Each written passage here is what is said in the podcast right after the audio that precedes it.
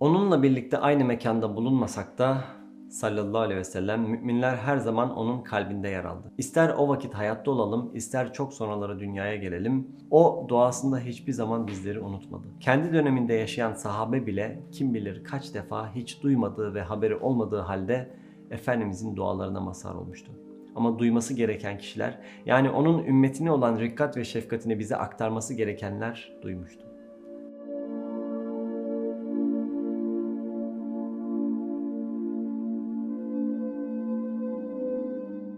Hazreti Ayşe radıyallahu anha bir gece Peygamber Efendimizin yanında olmadığını fark eder. Kendisi olayı şu şekilde anlatıyor. Yanımda olmadığını anlayınca el yordamıyla onu bulmaya çalıştım. Malum Efendimizin odası gayet küçük. Sonra elim birden onun ayağına denk geldi. Ayağı yukarıya doğru dik pozisyondaydı. Oradan anladım ki secde ediyor. Yanına yaklaştım. Şöyle dua ediyordu. Ya Rab, senin gadabından rızana sığınırım, cezandan affına, senden yine sana sığınırım. Kendini sena ettiğin ölçüde seni sena etmekten acizim. Yani benim sana olan övgüm her zaman yetersiz kalır mealinde. Her gece yapmamızı tavsiye edildiği meşhur bir dua. Secdede bu duayı ediyordu Efendimiz ve bu dualardan kaçı kendisi için, kaçı ümmeti için bilemeyiz. Fakat Efendimizin ümmetine olan düşkünlüğünü ve merhametini biliyoruz. Biliyoruz çünkü onun hem evinde hem de dışarıda bizler için sürekli olarak yaptığı dualara şahit olan sahabeler var. Peygamber Efendimizin çok uzun süre secdede kaldığına dair rivayetler görüyoruz. Öyle ki onun secdede öldüğünü düşündükleri zamanlar bile olmuş. Bir insanın secdede öldüğünü düşünmeniz için ne kadar süre geçmesi gerektiğini ve insanın nasıl hareketsiz bir şekilde saygı ve huşu içinde durması gerektiğini hayal edin. Efendimizin secdesi böyleydi. Ve sonra ona ne olduğunu sorduklarında başını kaldırıp yaşlı gözlerle sahabelerine bakar. Cebrail aleyhisselam gelir ve Ya Resulallah senin ağlaman üzerine Allah beni gönderdi dediğinde Peygamber Efendimiz ümmetim, ümmetim diyerek sadece sahabeleri değil kıyamete kadar gelecek bütün Müslümanların onun yolunu takip etmeye çalışan bütün samimi yoldaşların affı için Rabbine yalvarır. Ve Cebrail aleyhisselam Cenab-ı Allah'tan getirdiği mesajı iletir. Ümmetinden razı olacaksın ve onlar vesilesiyle hayal kırıklığına uğramayacaksın. Evinin dışında mescitte de böyleydi Efendimiz. Evine gelince Hazreti Ayşe annemiz aktarıyor. Bir defasında kıyamdayken aynı ayeti tekrar tekrar okuduğuna şahit oldum diyor. Ümmü Seleme ve Ebu Zer radıyallahu anhum ecmain gibi sahabelerin de benzer rivayetlerde bulunduğuna şahit oluyoruz. Efendimiz bütün bir gece boyunca kıyamda aynı ayeti tekrar etti.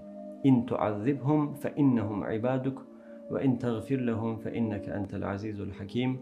Eğer onlara azap edersen ya Rab, onlar senin kulların. Eğer onları bağışlarsan şüphesiz ki sen aziz ve hakimsin diyerek ki Hz. İsa Aleyhisselam'ın kendi ümmeti için ettiği bir duadır. Bütün bir gece boyunca bizim için Kur'an'dan dualar etmişti. Yine Hazreti Ayşe radıyallahu anha anlatıyor. Allah Resulü'nü bir gün çok iyi bir halde gördüm. Efendimiz'i neşeli ve morali bir düzgün bir halde gördüğü zaman bu fırsatı kaçırmamak için ondan bir şeyler isteyebilecek kadar zeki bir kadındı annemiz. Böyle bir halde Efendimiz'i görsek ne isteriz? Tabii ki bizim için dua etmesini isteriz. Efendimiz evinizdeyken, karşınızda dururken Ya Resulallah bana dua eder misin?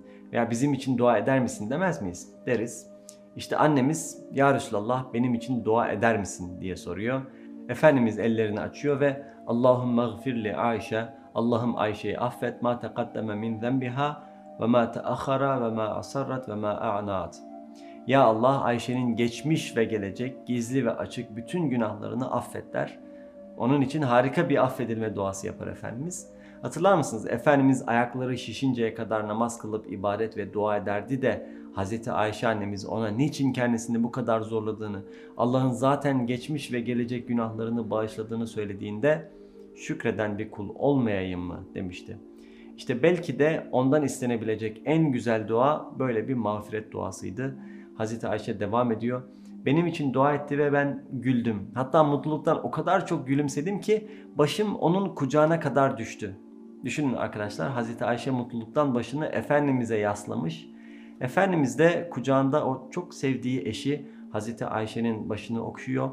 O kadar mutlu ve huzurlu ve sonra soruyor eşine ya Ayşe sana dua ettiğim için mi bu kadar mutlusun? Annemiz cevap veriyor. Bu duayı ettikten sonra nasıl mutlu olmayayım ki? Ve Efendimiz belki de hepimizi mutluluğa sevk edecek şu sözleri söyler. Vallahi inneha la da'vati li ummeti fi kulli salah. Allah'a yemin olsun ki ben bu yaptığım duayı her namazımda ümmetim için yapıyorum.